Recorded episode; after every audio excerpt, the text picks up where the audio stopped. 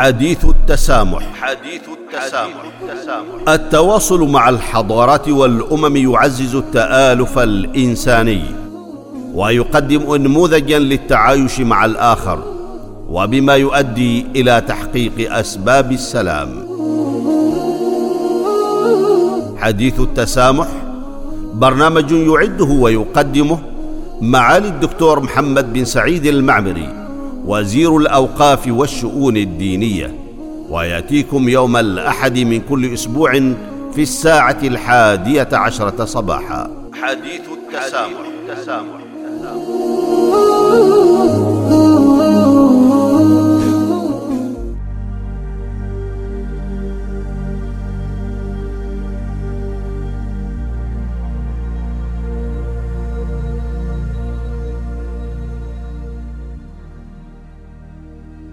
بسم الله الرحمن الرحيم الحمد لله والصلاه والسلام على رسول الله وعلى اله وصحبه ومن تبعهم باحسان ايها المستمعون والمستمعات الاعزاء السلام عليكم ورحمه الله تعالى وبركاته واهلا وسهلا بكم في هذه الحلقة الجديده من حلقات حديث التسامح ونتناول في هذه الحلقة عن موضوع الصلاه باعتباره القوه الناعمه للسلام والتسامح.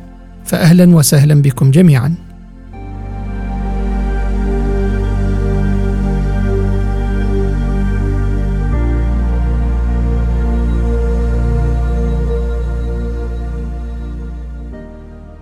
أعزائي المستمعين والمستمعات الصلاة بمفهومها العام أمر تشترك فيه كل الديانات حيث لا تخلو ديانة من طقوس خاصة بها.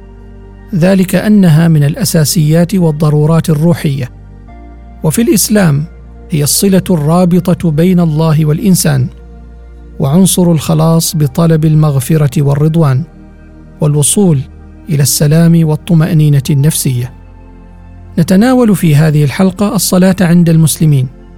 ليس في شمول موضوعها وعمومه بل في جهة بيان أن الصلاة قوة ناعمة للسلام وتدفع المؤدين لها إلى النظرة الإيجابية للحياة والتشبع بالمحبة والإيمان بكرامة الإنسان وتقدير حقوقه والمحافظة عليها بالسلام والتسامح والعيش المشترك.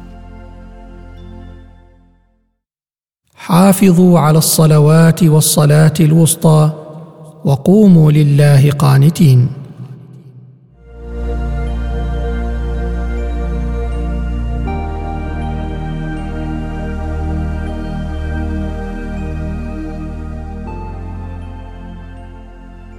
الصلاة في منظومة المسلمين الإيمانية ركن أساسي. ولا يقوم بنيان الإيمان إلا بأداء الصلاة وهي التي أمر الله تعالى بها في كتابه الكريم كما أن الصلاة هي الركن الثاني من أركان الإسلام بعد الشهادتين لقول الرسول محمد صلى الله عليه وآله وسلم بني الإسلام على خمس شهادة أن لا إله إلا الله وأن محمدا عبده ورسوله وإقام الصلاة وإيتاء الزكاة وحج البيت وصوم رمضان. ويؤكد النبي محمد عليه الصلاة والسلام بأن وظيفة الصلاة تطهير البدن والروح مما يعلق بها من أدران نتيجة لما قد يقوم به الإنسان من أعمال سيئة وتقصير في يومه وليلته. بحيث يأوي إلى فراشه في نهاية يومه وقد تطهر وتزكى إذا أدى الصلوات كما يجب عليه أن يؤديها. ولأهمية الصلاة الروحية والإيمانية فإن المطلوب أداؤها وجوبا ولا تسقط الصلاة حتى في وقت الشدة أو المرض أو السفر ولكن مع التيسير والتخفيف في أدائها. فيؤديها المؤمن كيفما استطاع وبما يملك من قوة ومقومات. والمتتبع لآيات القرآن الكريم يجد ذكر 12 نوعا من أنواع الصلوات وهي الصلوات التي تترافق مع أحوال الإنسان في اليوم والليلة أو في أوقات معينة أو لحالة كونية معينة. وهذه الصلوات هي الصلوات الخمس وصلاة الجمعة وصلاة الليل وصلاة الضحى وصلاة الخوف وصلاة السفر وصلاة العيد وصلاة المريض وصلاة الكسوف والخسوف وصلاة الاستسقاء وصلاة التلاوة أو ما يطلق عليها بسجدة التلاوة والصلاة على الميت. والحكمة الظاهرة في ذلك هي ربط المسلم بخالقه في كل أحواله وتذكر اللجوء إلى الله عند حصول أي اضطراب. وفي ذلك ضمانة من الوقوع في تصرفات غير محمودة كالغضب والانتقام واليأس وغير ذلك.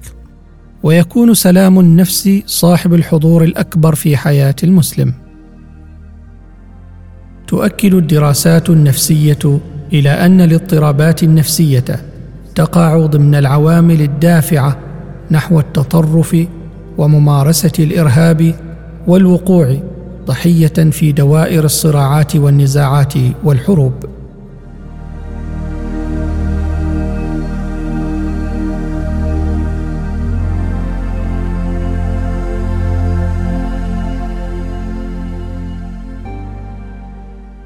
أيها المستمعون والمستمعات تبدأ صلاة المسلمين بالتكبير. الله أكبر. ليدخل المسلم بالتكبير في مجموعة من الحركات والسكون. والقراءة والسكوت والقيام والقعود والركوع والسجود بترتيب دقيق يدعو للتأمل والتدبر والتفكر حيث تفتتح الصلاة بقول الله أكبر وهي لفظة التكبير يستشعر بها المسلم قدرة الله تعالى عليه وأن لا شيء مطلقا وابدا فوق قدرة الله وقوته وأن لا شيء مطلقا وابدا يفوق مراد الله. فيعرف العبد قدره وقوته في مقابل قوة الله وقدرته. فلا يقهر ولا يظلم ولا يتكبر ولا يتجبر ويختتم الصلاة بقول السلام عليكم. فلا تأتي نهاية كل صلاة إلا لتبقى الكلمة في نفسه.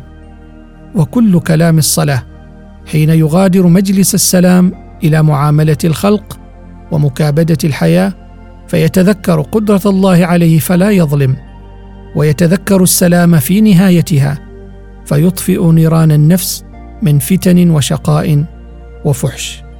فهي إذن رحلة السلام مع النفس وفي المجتمع. تبدأ قبل شروق الشمس حين ينهض المسلمون بأداء الفريضة الأولى حيث هدوء النفس والكون وحلكة الظلام. وحين المخلوقات في نوم وسبات. ينتصب المؤمنون في مناجاة ربهم وترتيل آيات الله لتكون إطلالتهم الأولى لهم في حركتهم اليومية ثم ينطلقون بعدها كل فرد في شأن. وإذ هم منهمكون في أعمالهم منشغلون في معترك الحياة لكسب الرزق أو القيام بأعبائهم ومسؤولياتهم. وقد مضى ما يقارب من ثمانية ساعات على اتصالهم الأول بالسلام الحقيقي يعود النداء إليهم للفريضة الثانية فينتصبون هذه المرة والكون صاخب والشمس ساطعة والشوارع ملأى بالبشر والمخلوقات. ثم تأتي الأوقات الثلاث الأخرى متقاربة لتركيز الاهتمام بالجانب الروحي والنفسي حتى يأتي وقت المبيت فتلازمه طمأنينة الصلاة وهكذا بصفة يومية رتيبة.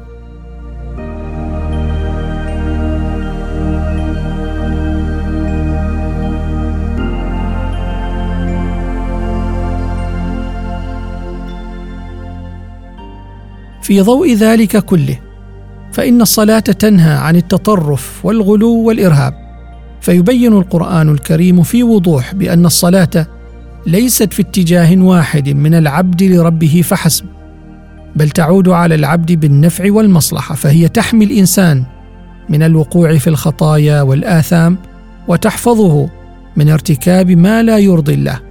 يقول المولى سبحانه وتعالى أتل ما أوحي إليك من الكتاب.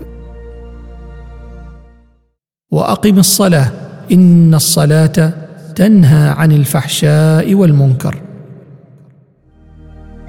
ولذا ربطها الرسول الكريم محمد صلى الله عليه وآله وسلم بهذا المبدأ داعيا المسلمين إلى مراجعة أنفسهم عند ارتكابهم لأي خطأ. إذ يعني ذلك بصورة غير مباشرة أن صلاتهم فيها خلل ما فقال لهم من لم تنهه صلاته عن الفحشاء والمنكر فلا صلاة له. وإن من يقوم بالإرهاب ويمارس التطرف والكراهية والعنف في محيطه الخارجي لا يمكن أن يكون أداؤه للصلاة صحيحا لأن الإرهاب والتطرف والكراهية والعنف فواحش ومنكرات. لا يقرها الدين ولا تقبلها روح الصلاة ومناجاة الله والاتصال به. يا أيها الذين آمنوا إذا نودي للصلاة من يوم الجمعة فاسعوا إلى ذكر الله وذروا البيع. ذلكم خير لكم إن كنتم تعلمون.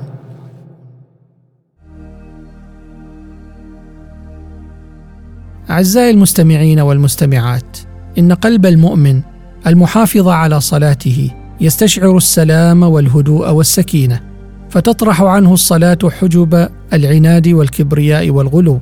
وأكد علماء المسلمين على أن الصلاة تتفاعل مع النفس الإنسانية من جهتين التخلية ثم التحلية على تعبير أهل الحكمة.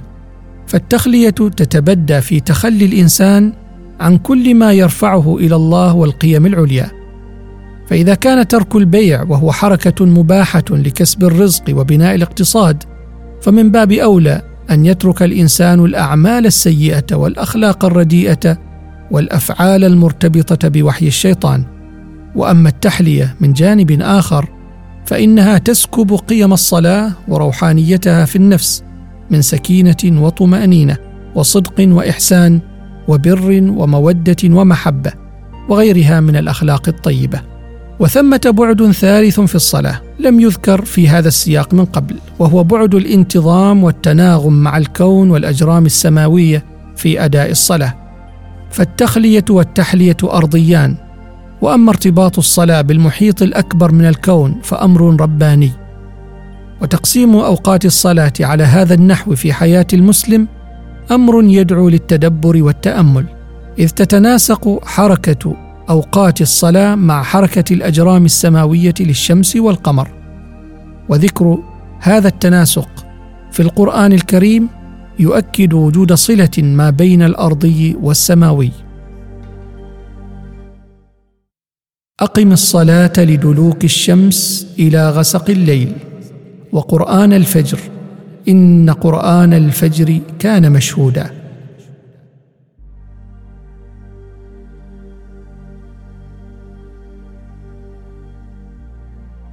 بل ترتبط الصلاة عند المسلمين بإيمانهم بأنها رحمة الله المهداة إلى عباده فيشاركون المخلوقات الأخرى في هذا الكون الفسيح التي تسبح وتصلي لله ولكن بكيفيتها.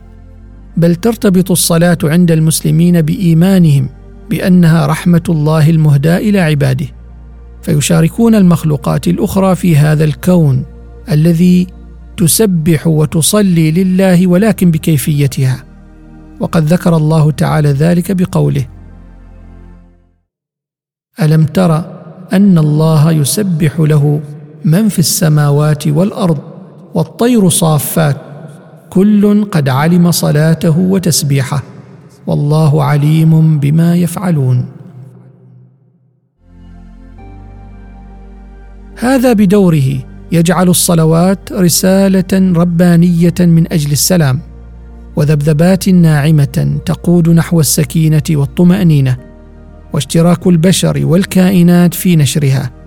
فهذه الأوقات التي يخصصها المؤمنون في أداء الصلاة على مدار اليوم تنتشل الناس من التفكير الشيطاني والمشاركة في خلق المؤامرات وصناعة الحروب والكراهية والتطرف.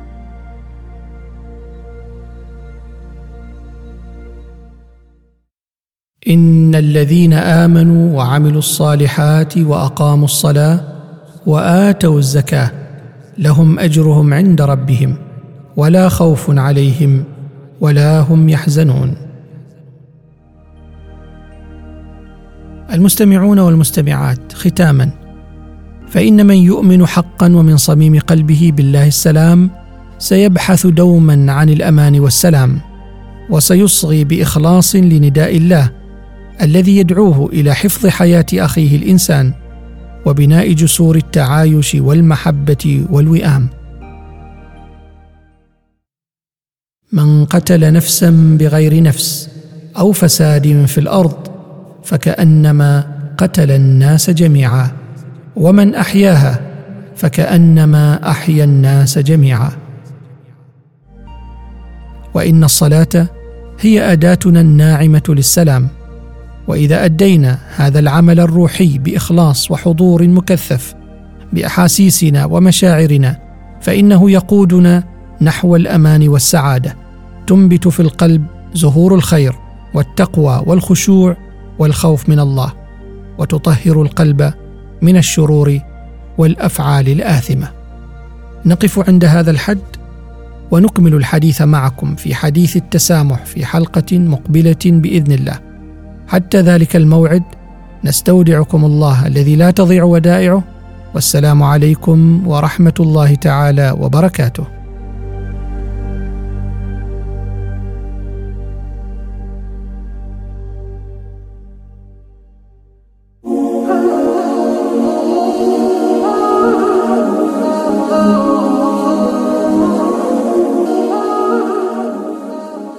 حديث التسامح. حديث التسامح. التواصل مع الحضارات والأمم يعزز التآلف الإنساني ويقدم نموذجا للتعايش مع الآخر وبما يؤدي إلى تحقيق أسباب السلام.